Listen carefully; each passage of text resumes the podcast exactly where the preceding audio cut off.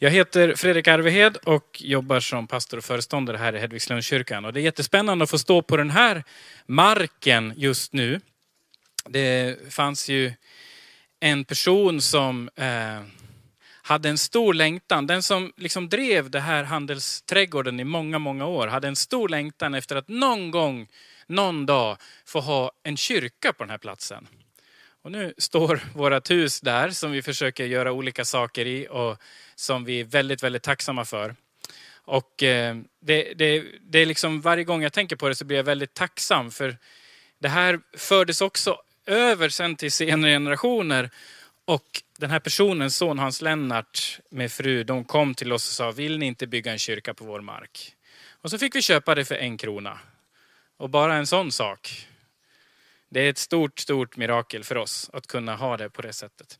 Det, är, det som är mitt tema idag, det handlar om, det, det är First Love.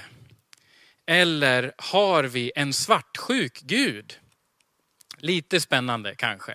Lite intressant. För dig som aldrig har lyssnat på en predikan så kan det låta jättemärkligt. Men eh, häng med en liten stund för att se om du får ut någonting av detta som jag ska läsa nu. Jag kommer att börja i Gamla testamentet hos en av profeterna, hos Hosea. Och där bara i, i kapitel 11, vers 1 så står det att när Israel var ung fick jag honom kär. Och ut ur Egypten kallade jag min son. Vi är ju mitt i den här tidsperioden på året när det är som allra, allra vackrast. Vi har passerat mellan hägg och syren, som kanske är det allra skiraste, men vi är fortfarande kvar i det här ljusgröna, vackra, där liksom naturen försöker bräcka sig själv. Det känns som att den skryter. Som att den liksom försöker, och jag kan också, jag, kan, jag som blomma kan också göra något fint. Och så poppar det upp överallt, liksom färgprakt och skönhet. Så man går runt och får nästan ont i ögonen av allt det vackra. Och sen är ju nätterna väldigt korta just nu.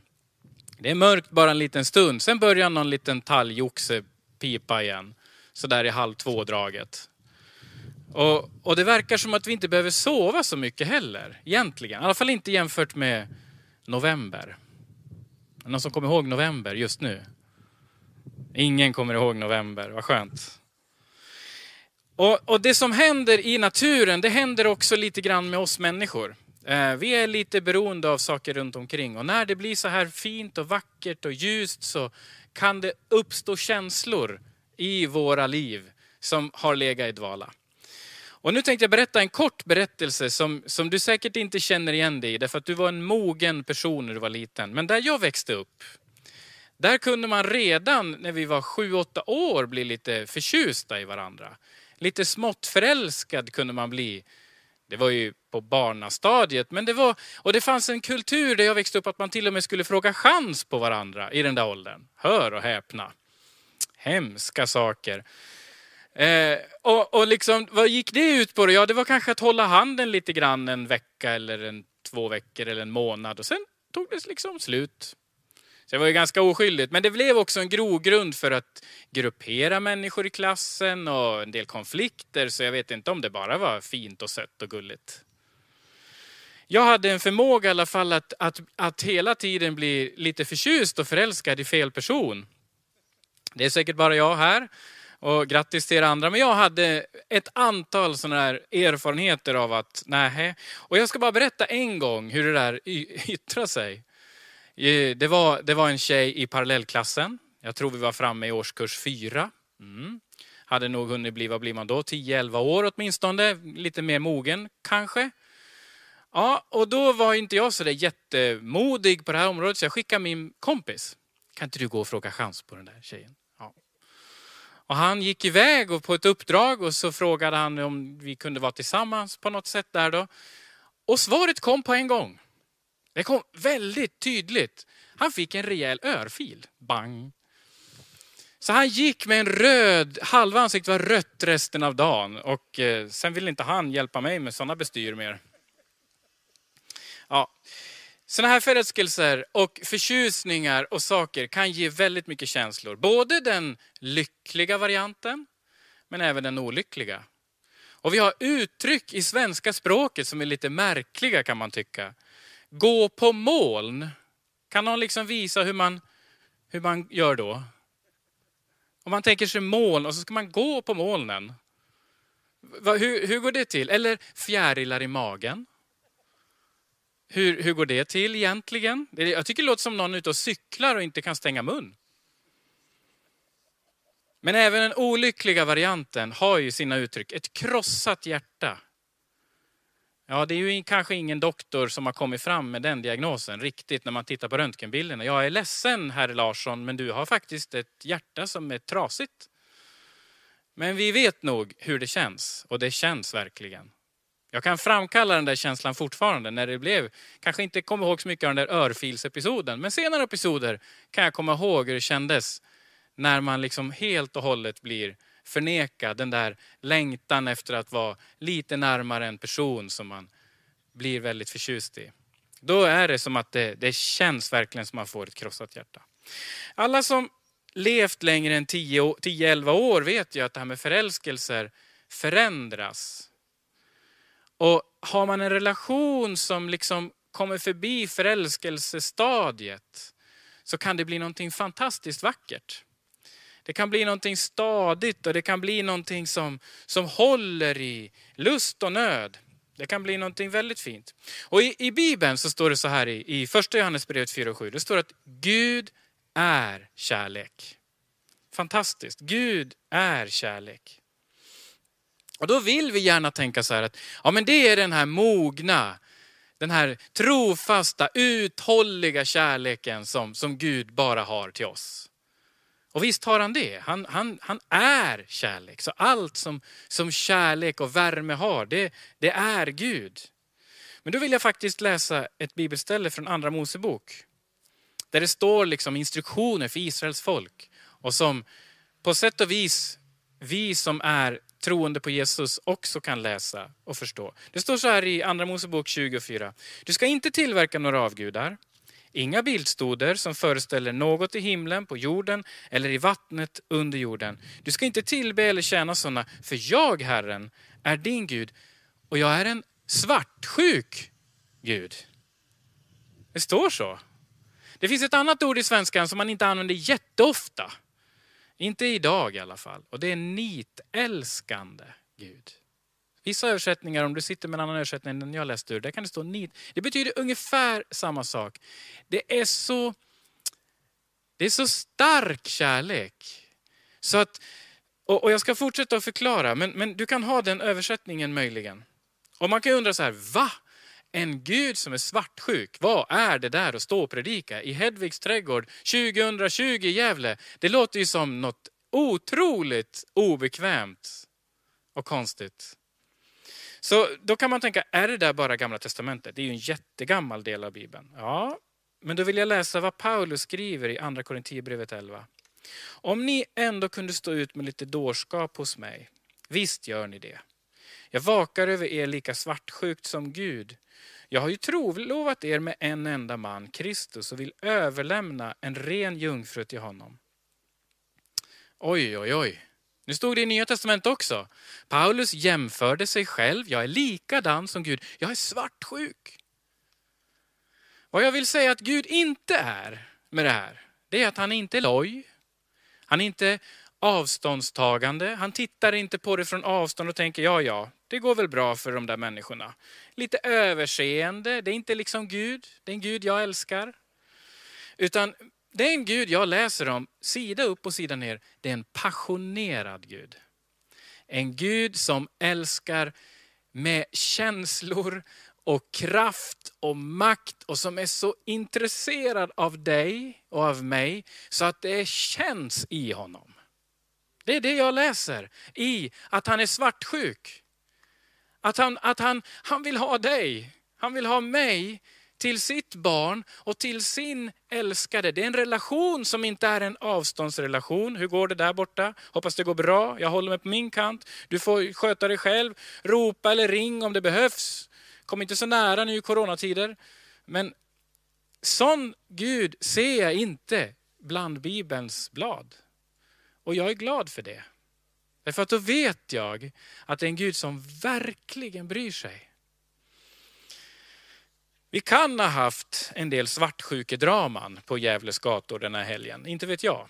Jag har inte varit runt och kikat, men jag kan tänka mig, för jag har varit liksom förut när det blir såna här storhelger och folk eh, tar lite extra i glasen och, och vill ha lite hjälp och, och bli lite modiga.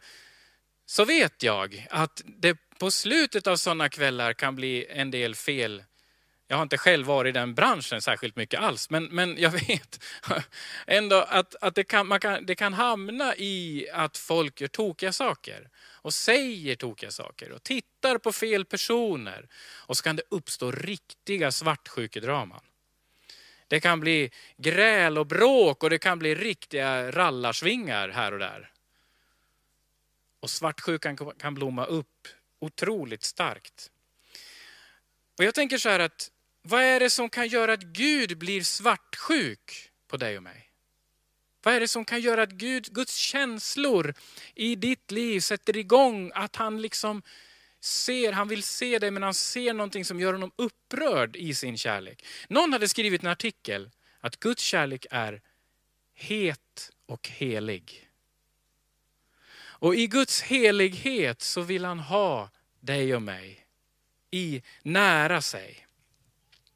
Jag tror faktiskt inte att det är så många eh, kristna som, som tror på Jesus i Sverige idag, som går och är lite sugen på någon annan världsreligion. Som går och klurar på, ska jag, ska jag bli buddhist idag? Jag tror inte det är så ofta Guds passion för dig störs av svartsjuka för att du är lite sugen på någon annan världsreligion. Jag tror inte det. Men, min vän, hur är det hur är det med, med, med, med din båt? Hur är det med, med din kamera som får ditt, din riktiga passion? Hur, hur är det med ditt fantastiska flöde på, på Facebook eller Instagram? Vad, vad är viktigt för dig och mig? Vad, vad, är det som kan dyka upp i ditt och mitt liv? Det kan vara olika, det kan vara personligt olika som kan starta faktiskt en svartsjuka hos Gud. Vad jag vill säga till dig och mig är, är att Gud är otroligt passionerad mitt i försommartiden över dig. Gud är kärlek och det är ingen loj kärlek, det är en passionerad kärlek. Nu kan någon säga så här, stopp, stopp, stopp, stopp, stopp. Jag har sett, jag har sett Uppdrag granskning eh, och Knutby. Det här låter som, eh, det här låter inte bra. Jag har sett hur illa det kan gå när man, när man ger sig hän, när man, när man släpper efter och säger att Gud är först i mitt liv. Och jag kan absolut inte försvara det som händer när det blir på det sättet. Jag kan på inget sätt säga att ja, det blev bara lite fel, för det blev väldigt, väldigt fel. Men då vill jag säga så här, jag försökte hitta en monopolpeng hemma, men vi hade bara en digital variant av monopol, så det är ett kreditkort som det står monopol på. Och, men om ni tänker, låtsas att det här var en, en sedel, en monopolsedel. Då vill jag bara fråga en retorisk fråga.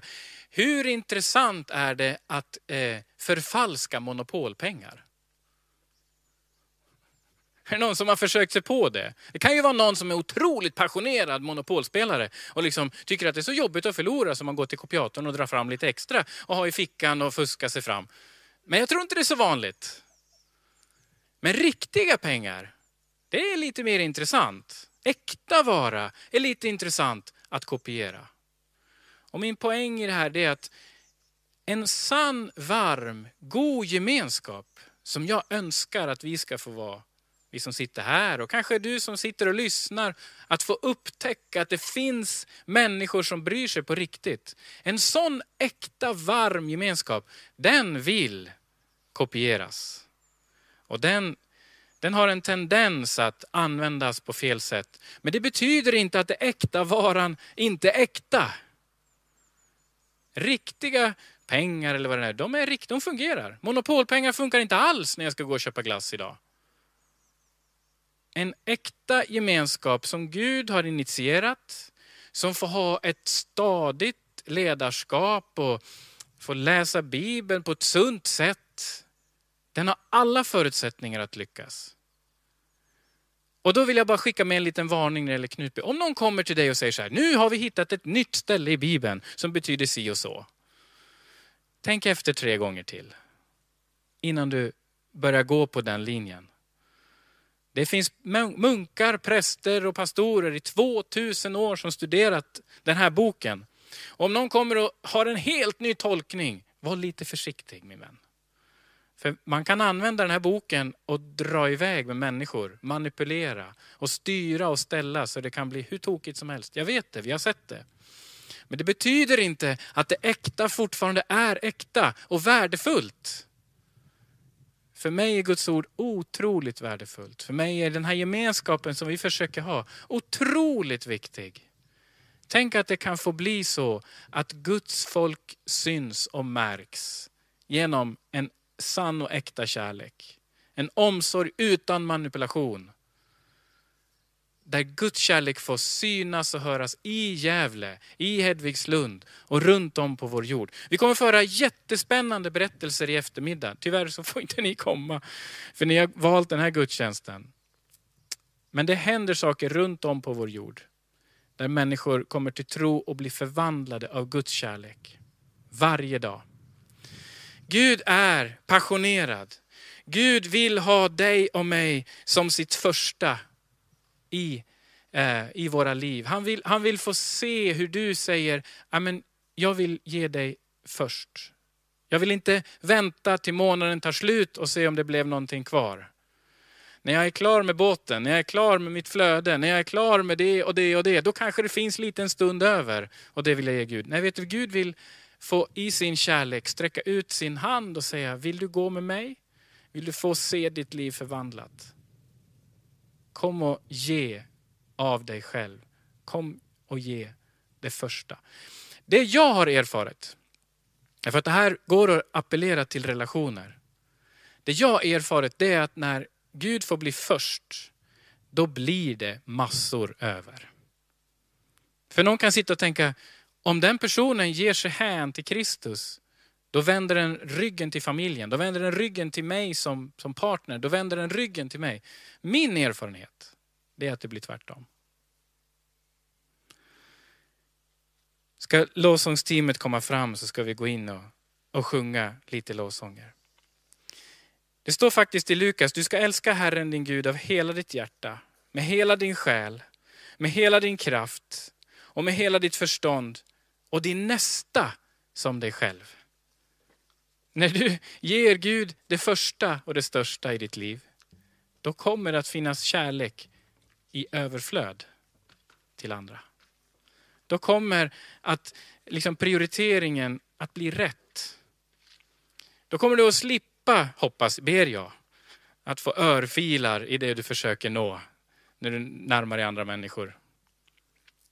Och jag vill be nu för dig som lyssnar.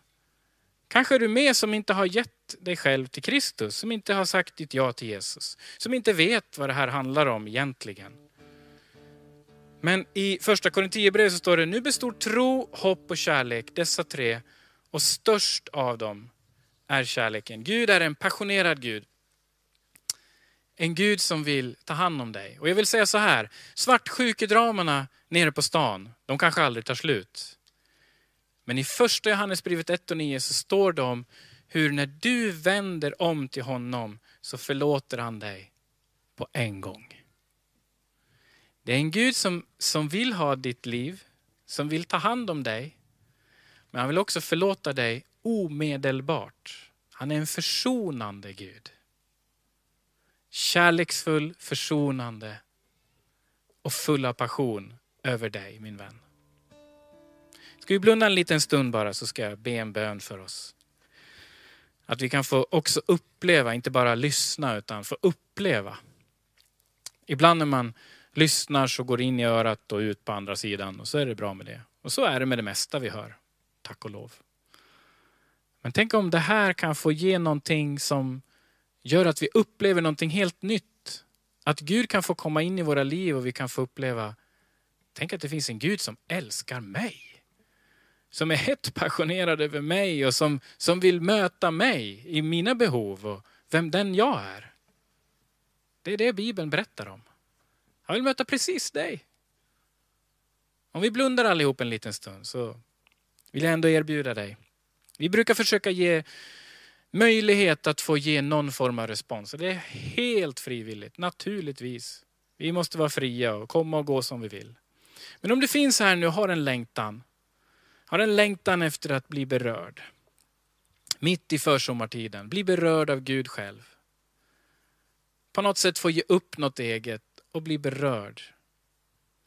Så kan du få vara med och bara räcka din hand enkelt så ska jag be för dig. Jag ska inte rumstrera med dig, jag ska inte kalla fram det eller göra något konstigt alls. Jag ska bara stå här enkelt och, och be att Gud får röra vid dig. Jag ser din hand. Gud välsigne dig. Är det någon mer som vi ska be för nu? Så kan du räcka din hand här och nu. Tack gode Gud att du finns och är närvarande här och nu. Herre, jag tackar dig far för att vi alla kan få komma tillbaks till att du får bli den första i våra liv. Tack för den som aldrig har haft dig som nummer ett i livet, att den kan få bestämma sig för det idag. Tack Herre för att du kan hjälpa oss att närma oss dig, det här mysteriet, att få tro på dig. Men jag tackar dig för att, att du har en, redan nu en passionerad kärlek, enligt vad du sagt i ditt ord. Herre, jag ber att den passionerade kärleken, den starka, starka kärleken också ska få beröra oss. Jag vill extra be för den som känner sig totalt tom på känslor just nu. Jag ber dig Herre att du ska komma och bara ge av din bris, din försommarbris, din vind in i våra liv. Kom och möt oss precis där vi är, i den torrhet vi kan uppleva. Tack Herre för att du har allt i din hand. I Jesu namn. Amen.